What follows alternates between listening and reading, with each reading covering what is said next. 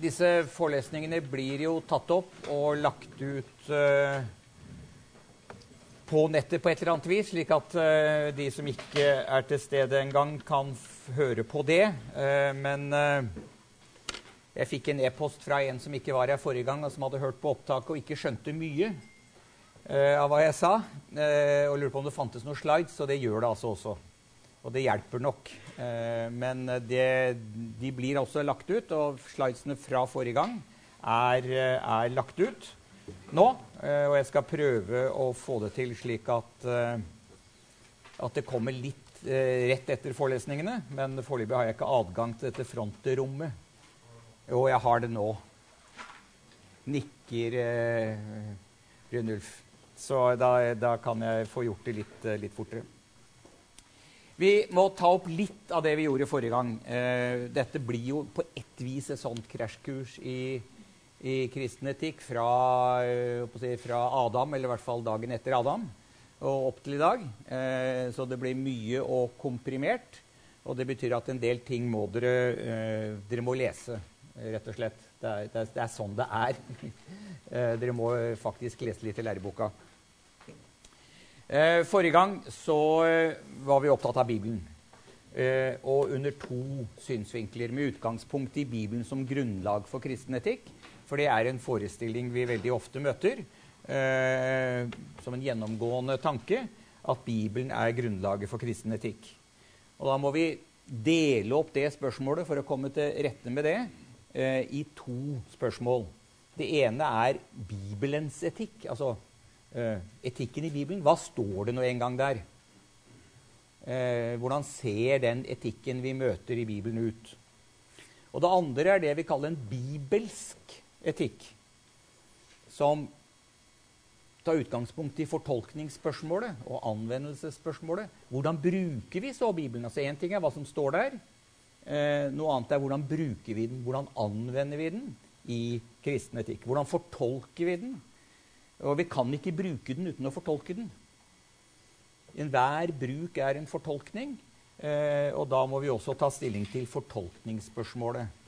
Det finnes ikke noe som heter 'jeg tar det bare som det står' og fortolker ingenting. Enhver bruk er en fortolkning. Og det jeg stadig stresset forrige gang, er at i Bibelen er eh, Bibelen ikke grunnlaget for kristen etikk. Altså Hvis vi sier Bibelen er grunnlaget for kristen etikk, og så går vi til Bibelen, så står det ikke der at Bibelen er grunnlag for kristen etikk.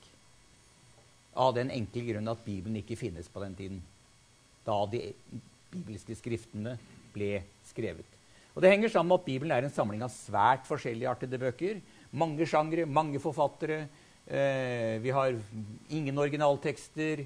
Eh, de spenner i tid fra flere hundre år eh, før Kristi fødsel til kanskje 100-150 år etter Kristi fødsel. Altså dette er et uh, bibliotek med veldig mange forskjellige bøker og forskjelligartet innhold. Og ingen av dem har begrepet Bibelen innenfor sine permer. Det er noe som vi har laget senere ved å uh, samle disse skriftene og si disse vil vi ha som uh, referanse i kirkelig sammenheng. Så utdypet vi dette litt ved å, spørre etter eh, etikken i Bibelen. Og brukte litt av disse modellene. Pliktetikk, konsekvensetikk, dydsetikk. Er etikken i Bibelen, hvis vi nå skal plukke ut noe, er den først og fremst eh, pliktetikk? Er det sånn at man skal gjøre det gode eller det rette eller det riktige fordi det står i Bibelen? Det står det altså ikke i Bibelen fordi ikke den fins der. Men man kan si fordi det er Guds vilje. Du skal gjøre det rette fordi det er Guds vilje. Du skal gjøre, følge de ti bud fordi Gud har sagt at du skal gjøre det. Jeg eh, eh, hentet da fram eh, det dobbelte kjærlighetsbudet i Matteus 22 som en, en sånn grunnlagstanke. Eh, hva er det største og det viktigste bud, da? Eh, det er du skal elske Herren i Gud av hele ditt hjerte, all din sjel, all din hu og din neste som deg selv. På dette hviler loven og profetene, altså hele den gammeltestamentlige overleveringen, hviler på dette dobbelte kjærlighetsbudet, sier Jesus. Vi så at det korresponderte med det Paulus sier. Vi kan tenke oss at det er et sånt pliktetisk bud. Du skal elske din neste fordi Gud har sagt det. Men hva betyr det i praksis? Altså, Hva betyr det i praksis å elske sin neste? Uh, altså, Vi kan godt være enige om at det høres fint ut, men hva betyr det i praksis? Uh, og hvordan kan man finne ut hva det betyr i praksis? Og Der ser det ut til i første omgang at uh, holder vi oss til Jesus, men vi kunne godt trukket inn uh, Paulusbrevet nå. Det skal man skjønne.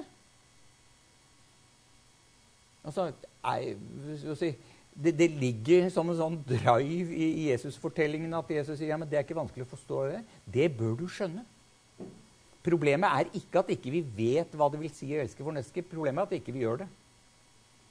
Og En av de fortellingene som jo eh, illustrerer dette, er jo en av de mest brukte fortellingene i Det nye testamentet, nemlig fortellingen om barmhjertig samaritan. Om denne fyren som dro fra Jeriko til Jerusalem og ble overfalt av røvere underveis, robbet, halvt slått i hjel, lagt ved veikanten. Eh, og så kommer først en prest forbi, og en stopper og drar videre. De stopper ikke å dra videre, en levitt, og så kommer en samaritan. Og så får han medfølelse med mannen og stopper. Poenget er at det burde ikke være noe originalt, det samaritanen gjør. Altså det, er, det, er, noe selvsagt i det. Sånn, sånn løper fortellingen.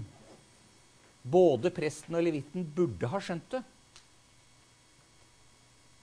Så Sånn sett så er det altså ikke forklaringen på hvordan skal jeg vite hva det vil si å elske min neste, eller ta vare på min neste, eller vil. Eh, hva dere vil. Eh, det, er ikke, det, er ikke et, det er ikke et intellektuelt problem, men det er et praktisk problem.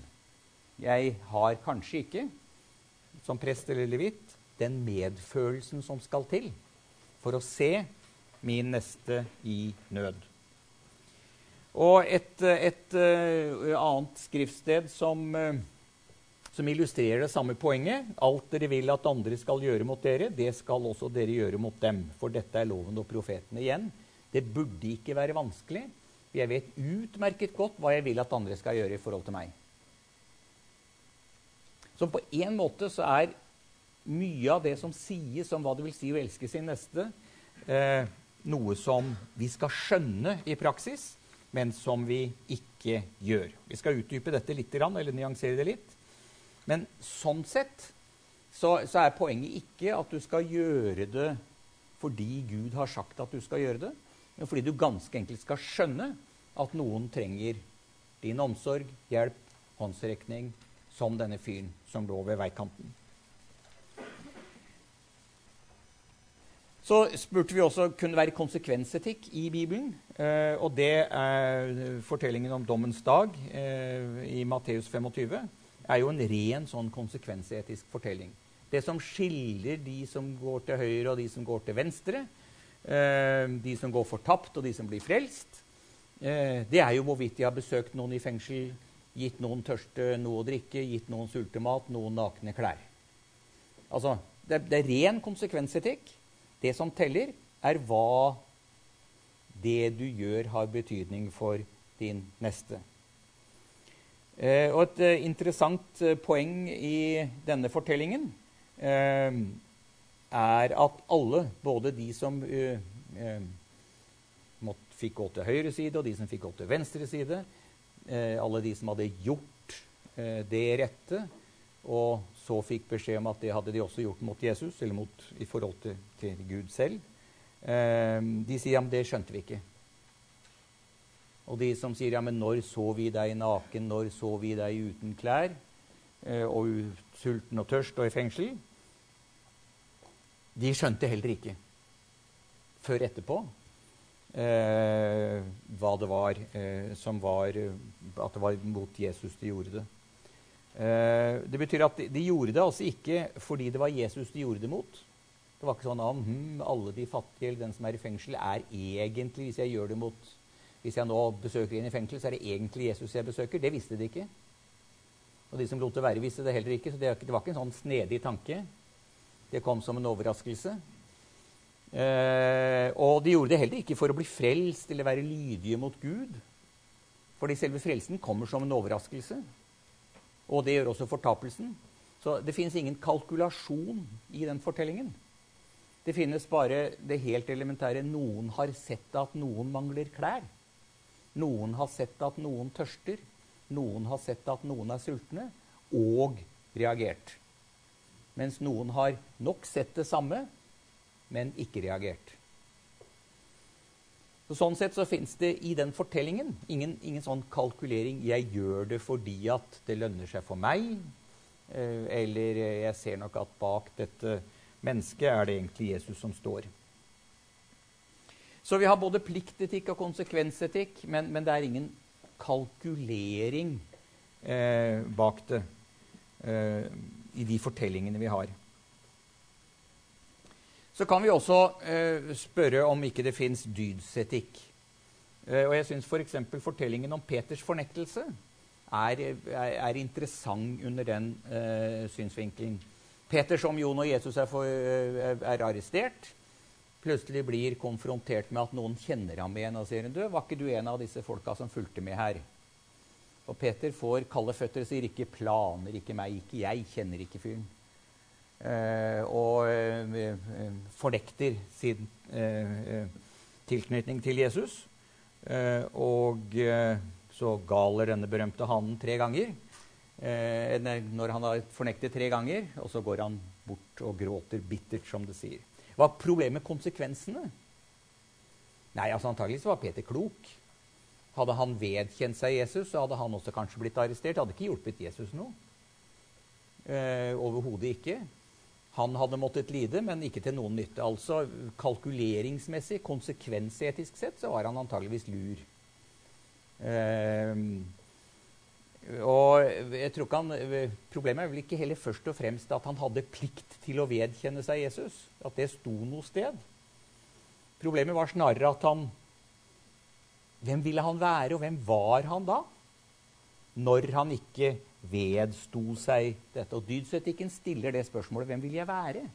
Ikke bare hva er det riktig å gjøre. Skal jeg fortelle sannheten, eller skal jeg ikke fortelle sannheten? Men hvem vil jeg nå være? Og Peter oppdaget at han var blitt en som han ikke ville være. Han tenkte kanskje at han var en han kunne stole på.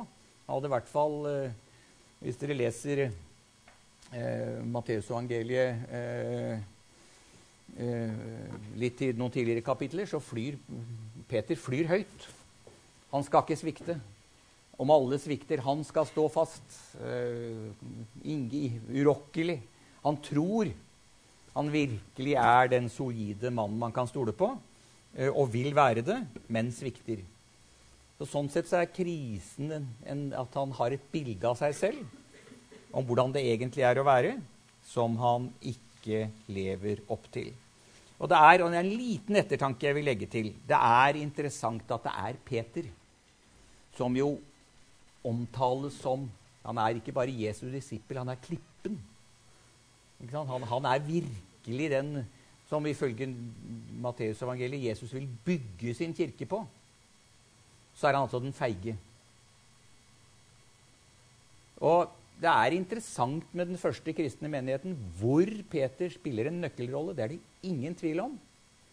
Han er en helt sentral person, men de forteller fortellingene om hvordan han dumma seg ut. For å si det forsiktig. De forteller fortellingene om at han var feig. Det, det må han leve med som kirkefyrste. At alle kjenner, eller i hvert fall de som kjente Madeus evangeliet, kjenner fortellingen om at han var feig. Så kan man si ja, men etterpå så var han aldri mer feig. Og der syns jeg dere skal lese Galaterbrevets andre kapittel. For der går Paulus og Peter i klinsj med hverandre. Og Paulus skriver rett ut Peter var feig igjen. Han gikk ikke rett fram etter evangeliets sannhet. Egentlig skulle det nå være måltidsfellesskap mellom kristne jøder og kristne hedninger. Men uh, fordi den jødiske delen ikke ville ha særlig mye med hedningen å gjøre, så ville man ikke ha måltidsfellesskap, og Peter trakk seg ut. Og da blir Paulus uh, sint, for å si det forsiktig, og sier ham rett opp i fjeset det der, der er feil. Du er feig, for å omsette det til godt norsk. Så sånn sett så har man heller ikke forestillingen om at denne Peter var ufeilbarlig. Og fra nå av, etter at Jesus var stått opp fra de døde og kirken var etablert osv., så, videre, så sto han fast. Nei da. Ifølge Paulus var han fortsatt feig når det gjaldt. Og fortsatt nøkkelpersonen. Interessant med henblikk på hva slags eh, menneskeoppfatning som også ligger her. Ok, du skal skjønne, men samtidig så er det en radikalisering. Altså Vi kan si at det er helt banalt. Når folk ligger halvt ihjelslått på veien din, så skal du ha såpass medfølelse at du stopper og hjelper dem. Eh, det er banalt, men vi har også, i, særlig bergprekenen i Matteusevangeliet 5-7, en radikalisering, en skjerping. Nestekjærlighet er fiendekjærlighet. Elsk deres fiender.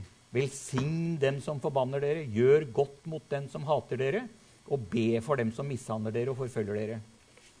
Det er ikke selvsagt lenger. Det, det, vil de fleste av oss si. Det er ikke helt banalt. Og skal man jo elske sine fiender? Og hvor greit er det å gjøre det?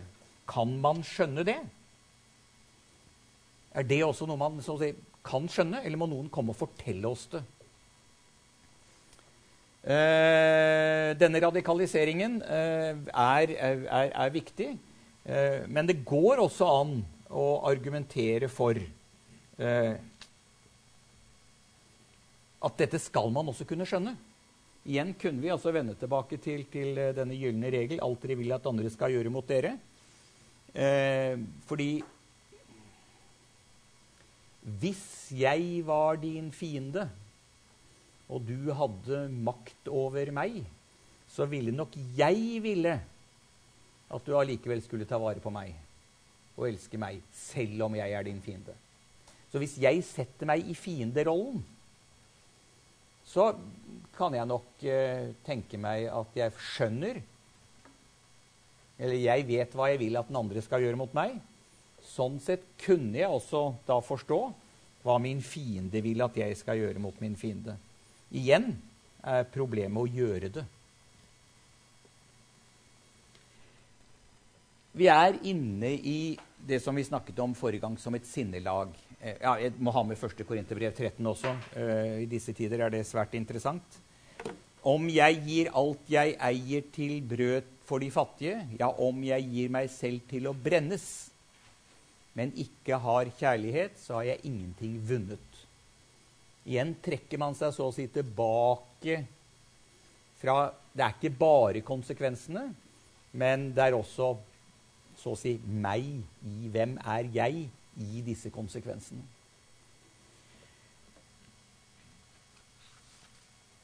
Og da eh, var det dette sinnelaget som vi var innom i Filippebrevet 2.5. La samme sinnelag være i dere som også var i Kristus Jesus. Det er ikke alltid bibeloversettelser er enkelt. Eh, sinnelag det er en oversettelse som går igjen stort sett. Jeg har sjekket litt fort på noen engelske og tyske og litt forskjellig danske, svenske. Eh, ikke de polske, de skjønte jeg ikke mye av. Men, men eh, alt dette ligger jo på nettet. Dere kan gå gjennom eh, 100 bibeloversettelser på to minutter. på et bestemt strekk.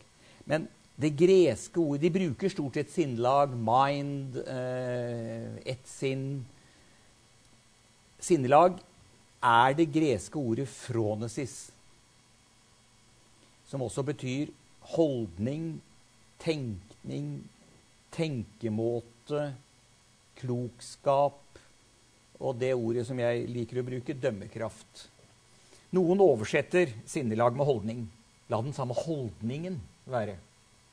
Det er litt mer, altså Sinnelag blir litt sånn Hva føler jeg inni meg? Altså, hva, hva, hva er liksom inni meg? Mens, mens, teksten egentlig handler om hva du gjør utad. Holdning eh, treffer det faktisk litt bedre. Ha den samme holdning. En holdning kommer til uttrykk. Eh, Peter kunne jo for så vidt hatt et godt sinnelag, men han sviktet bare når det gjaldt. Men, men holdning er litt mer aktivt. Og, og eh, eh, det, det handler om å kunne skjønne hva som er riktig i situasjonen. Det er derfor jeg liker ordet dømmekraft. Eh, klokskap, visdom kan det også oversettes med. Vær klok på samme måten som Jesus var klok, eller ha samme dømmekraften, samme evnen til å se hva som er rett. Eh, og det knyttes da til den fortellingen som jeg, eller fremstillingen som jeg eh, var inne på forrige gang.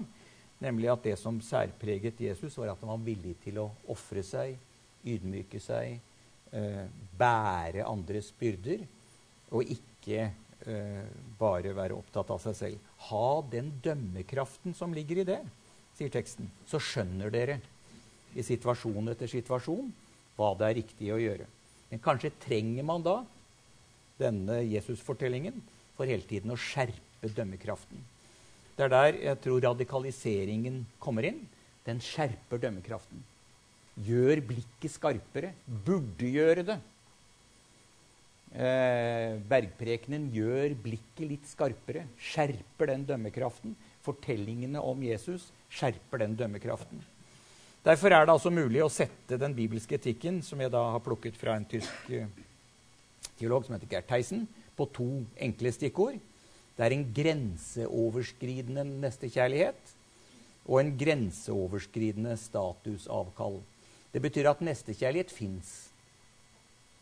Altså det, er, det er ingen, som, ingen som sier, øh, tror i Det nye testamentet at nestekjærlighet bare finnes i den kristne menigheten.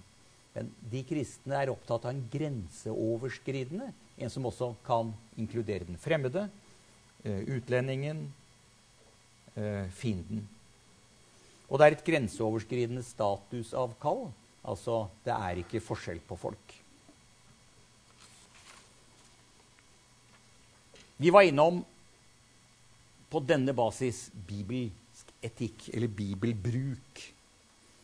Vi har noen utfordrende tekster knyttet til homofili, ekteskap, skilsmisse, og spørsmålet er hvordan skal vi bruke dem. Og en fortolkningsnøkkel til det vil da kunne være nettopp dette dobbelte kjærlighetsbudet, eller som Paulus formulerer det i Romerne 1310, kjærligheten gjør ikke noe ondt mot nesten. Så spør etter, når du skal anvende et bibelsted, om det da går utover noen. Om du gjør ondt mot noen, eller om du gjør godt mot noen. Spør etter det. Ha en dømmekraft som gjør at du har et blikk for det. Hva gjør jeg med andre mennesker når jeg bruker dette bibelverset? i en bestemt situasjon. Og alt dette henger sammen med noe av det som jeg eh, skal si mer om når vi kommer litt lenger frem. Eh, men som jeg presiserte forrige gang, Det nye testamentet definerer seg selv, hvis man skal si det sånn, tekstene, som evangelium. Første ord i Markusevangeliet, første ordet i, nesten i, et, i det første av Paulusbrevene, romerbrevet. Jeg vil føye til én ting til. Og det er at Bibelen er fortellinger. De er sånn narrativer. Og alt taler for, hvis vi ser dette i et historisk perspektiv, så har fortellingene vært mye viktigere enn enkeltstående skriftsteder. Altså fortellingen om barmhjertige samaritan har hatt en enorm kraft inn i kulturhistorien som fortelling. Antageligvis mye mer enn 'du skal elske de neste som deg selv', så har fortellingen vist hva det betød i praksis. Og sånn sett har bibelske fortellinger vært viktige for å skjerpe den dømmekraften. Jeg nevner også David og Batseba.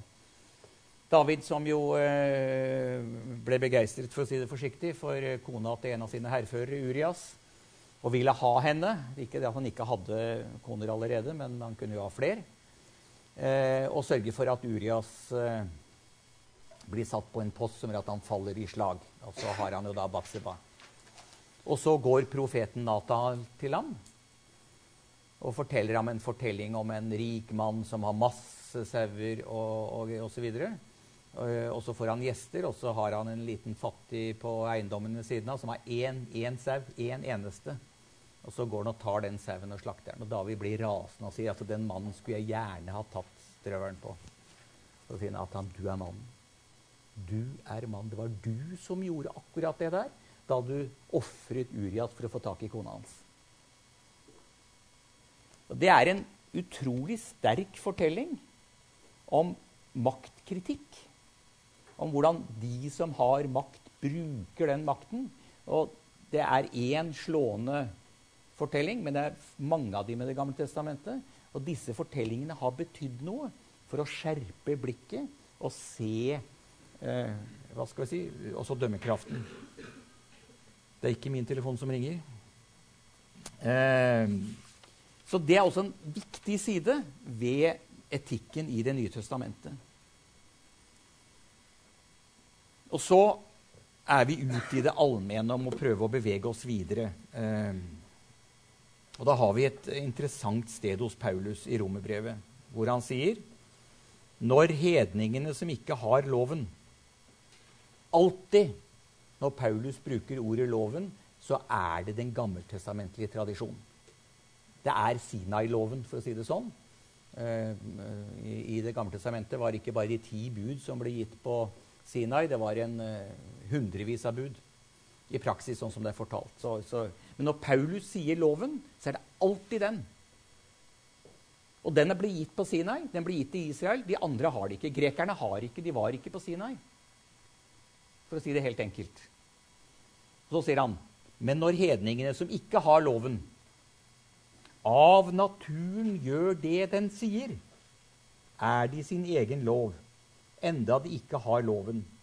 De viser med dette at lovens krav Ikke loven, for den kjenner de ikke, men lovens krav står skrevet i hjertet deres. Om det vitner også samvittigheten deres når tankene deres anklager eller forsvarer dem. Så det er altså for Paulus ikke bare slik at Gud har åpenbaret loven på Sinai for Israel, men denne loven finnes på en eller annen snurrig måte i naturen. For hedningene de har ikke bare meninger, det er ikke det han sier, men de gjør det. Altså, Hedningene oppfører seg i praksis som om de skulle ha vært på Sinai. De oppfører seg anstendig, ordentlig, barmhjertig. Ja. Så da må lovens krav stå skrevet i deres hjerte. De gjør det av naturen. Denne tanken at man gjør ting av naturen, den eh, skal vi forfølge litt videre. Um, hva er det?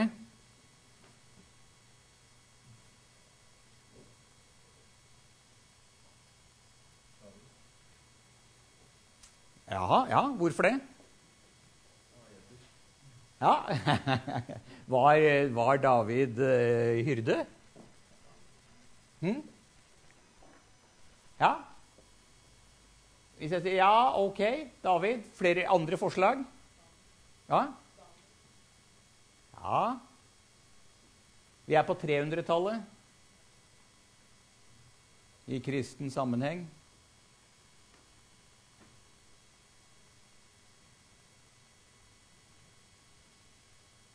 Ja, vi kunne Jeg, jeg ville jo umiddelbart si det er den gode hyrde.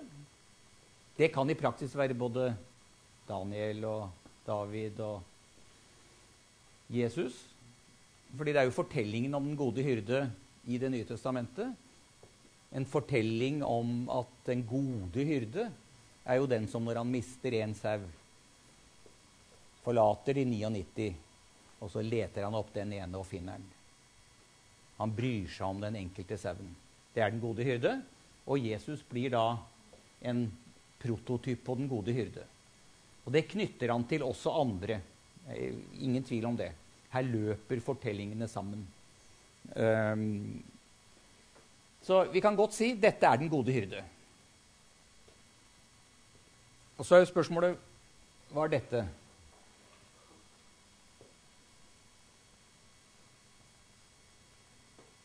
Ja, Det ligner jo på en god hyrde, det å gjøre ikke det? Bortsett fra at han har ikke en sau, han har en kalv. Ja, det er, det er fordi det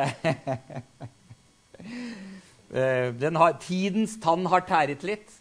Og det henger også litt sammen med at det er dels er det en kopi som står på Schæfergården i København. Eh, og så er den mye eldre. Den er fra år 500 før Kristus. Så det er altså ikke David, ikke Daniel, ikke Jesus, ikke den gode hyrde som fremstilles.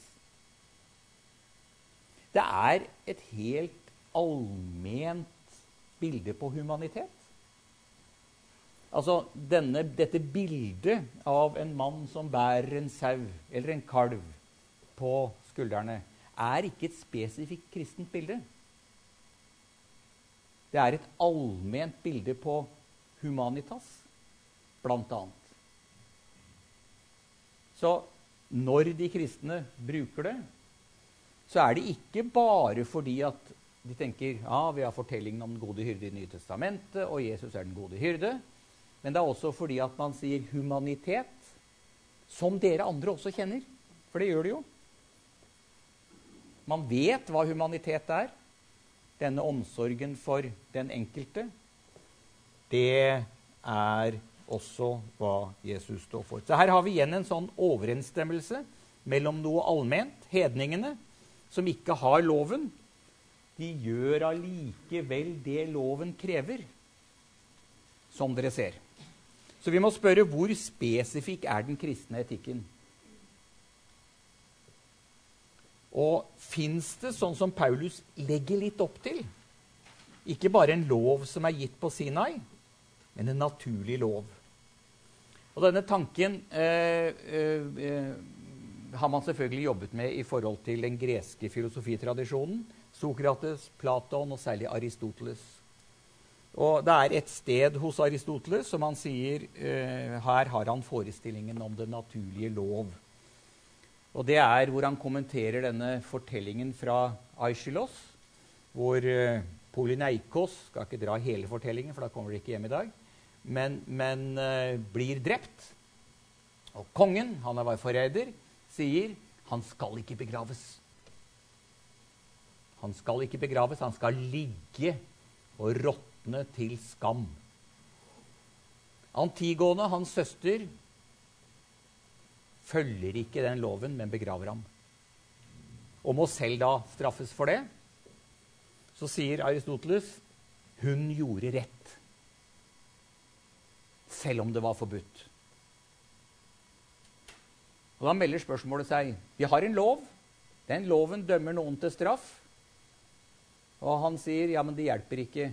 Det er en høyere, en annen rett. Antigone gjorde rett. Det er en form for hva skal vi si naturlig lov. Det er noe som er rett helt uavhengig. Altså, norske storting må kunne bestemme akkurat hva de vil av lover. Det blir ikke nødvendigvis rett fordi om det er vedtatt. Fordi om det er norsk lov, eller fordi om det er lov i Teben som det, denne fortellingen foregikk. Det fins en form for høyere rett. Det er tanken om den naturlige lov. Jeg skal utdype dette litt først, og så tar vi spørsmål på det etterpå. For da kan det hende at jeg har svart på det du vil spørre om. Bak denne tanken om en naturlig lov i antikken ligger en bestemt antropologi, et bestemt menneskesyn, som jeg vil si er teleologisk. Det vil si telos betyr mål. Den er målrettet. Alle tenker om menneskelivet som det å leve i overensstemmelse med eller strekke seg mot et mål. En menneskets måte å leve på. Her er Aristoteles veldig eh, morsom, for dette grubler han over. Eh, hva er det som gjør eh, at løvene får løvebarn, og sjiraffene får sjiraffbarn? De vokser opp og blir sjiraffer og ter seg som sjiraffer. Det er ikke sånn at en løve får et sjiraffbarn én gang og en firfisle neste gang. Det er åpenbart et eller annet ved de barna. Det ligger en form for idé der som utfolder seg. Det er et målrettethet. Vi ser en utvikling i dette. Alt liv er målrettet. Eh, og det gjelder også menneskelivet. Det fins en mennesker på samme måte som det fins en måte å være løve på. Og det fins en måte å være sjiraff på, og sånn blir sjiraffene. Så fins det en menneskelig måte å være menneske på. Det er bare at mennesket har en mulighet til å eh, velge litt selv hvordan det vil være menneske. Jeg siterer i læreboka jeg litt grann, eh, stoff fra en, en, moderne filosof som heter Alistair McIntyre, eh, som har skrevet en bok som heter 'After Virtue', som, uh, som, har stilt opp dette på en veldig enkel måte og sier at mennesket fødes så å si i rå form, ubearbeidet fra fødselen, og så er det spørsmål om å gå den veien som fører til at homo sapiens, mennesket, blir humant. Altså lever på en menneskelig måte. Og det er målet å leve på en menneskelig måte. Og dydene er veien til å leve på en menneskelig måte. Dette er på en måte skrudd sammen. Eller den, dette er forutsetningen for hvordan eh, antikk etikk er skrudd sammen. Og vi kan altså se at hos Aristoteles så er det noe med naturen som lærer oss det der. Hvordan vi skal leve eller utvikle oss på en menneskelig måte. Den tanken er ikke uh, som en sånn naturrett utviklet mye hos Aristoteles, men dere finner den hos stoikerne. Det var den. En filosofskole med enorm innflytelse, stor betydning også i Det nye testamentet. Eh, og der er tanken at naturen er ordnet slik at den lærer oss hvordan vi skal leve. Sånn er naturen innrettet. Vi kan lære det av naturen. Det er naturlig for oss. Så vi må leve i overensstemmelse med naturens orden. Og det er en form for fornuftig livskunst. Og Her er altså en stor forskjell på etikk i antikken og vår tids etikk. Etikk er ikke et kurs man tar på universitetet eller noe man studerer fra ni til fire. eller noe sånt. Etikk er livskunst. Man lærer seg en måte å leve på. Så en filosof i antikken var ikke først og fremst en som tenkte bestemte ting, men en som kunne leve på en klok måte.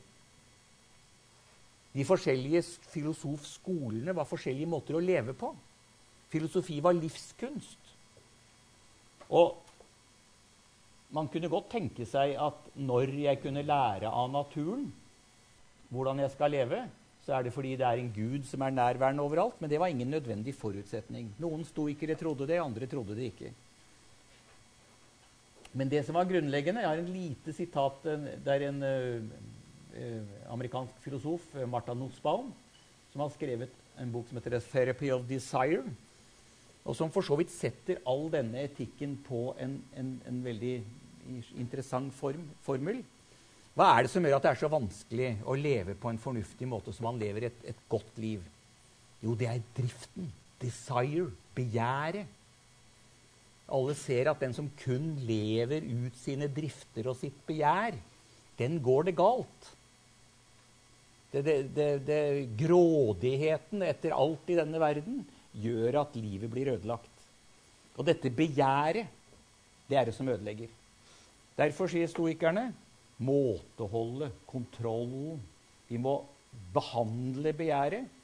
Fornuftig livskunst er en, en fornuftig levemåte som gjør at vi har kontroll på driftene.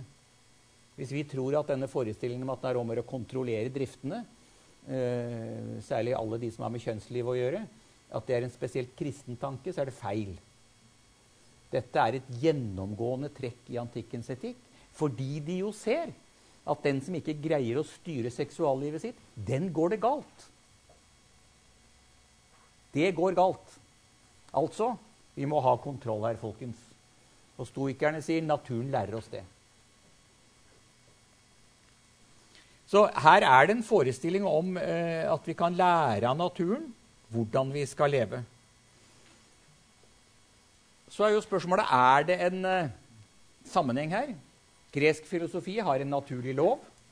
Uh, den jødisk-kristne sier at loven er gitt av Gud. Du skal skjønne hva Gud krever av deg, men det er Gud som krever.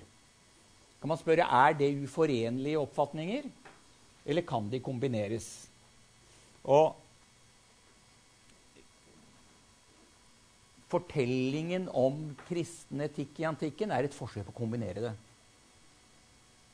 Både tanken om en naturlig lov og tanken om at loven forholder seg til åpenbaringen i Jesus Kristus. Eh, og det er selvfølgelig ikke enkelt å få det til å gå opp. Og da gjelder det jo særlig radikaliseringen, som vi var borti. Det er ikke så vanskelig å få humanitetsforestillingen barmhjertig samaritan til å gå opp, vil jeg tro. Men, eh, men eh, radikaliseringen, den er vanskelig. Og Augustin, en av de store kristne tenkerne i antikken, sier dette går ikke opp.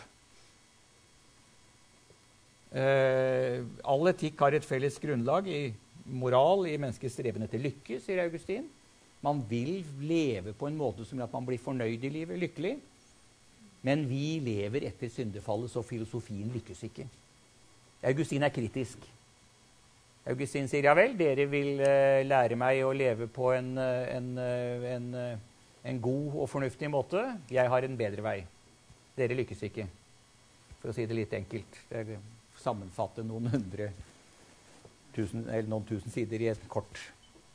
Så han, han er kritisk. Dette går egentlig ikke sammen. Uh, mens hvis vi nå da beveger oss til den andre store tenkeren, og da er vi kommet til middelalderen, Thomas Aquinas, så sier han det går. Dette får vi til å henge sammen. Eh, med vår fornuft, naturlige fornuft, kan vi forstå hvordan vi skal leve i overensstemmelse med målet for menneskelivet. Thomas lever på 1200-tallet. Eh, da gjenoppdages Aristoteles. Han har vært glemt i noen hundre år. Men, eh, men via eh, islamske tenkere så kommer han inn igjen i kristen tenkning og blir eh, den store teologen i middelalderen.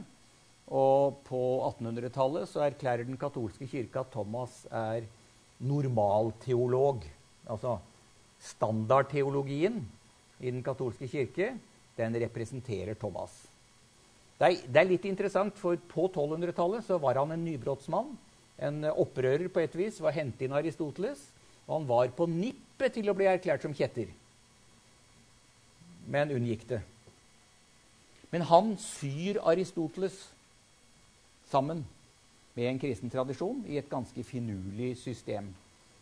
Eh, og det skal dere få en liten tegning av etter pause.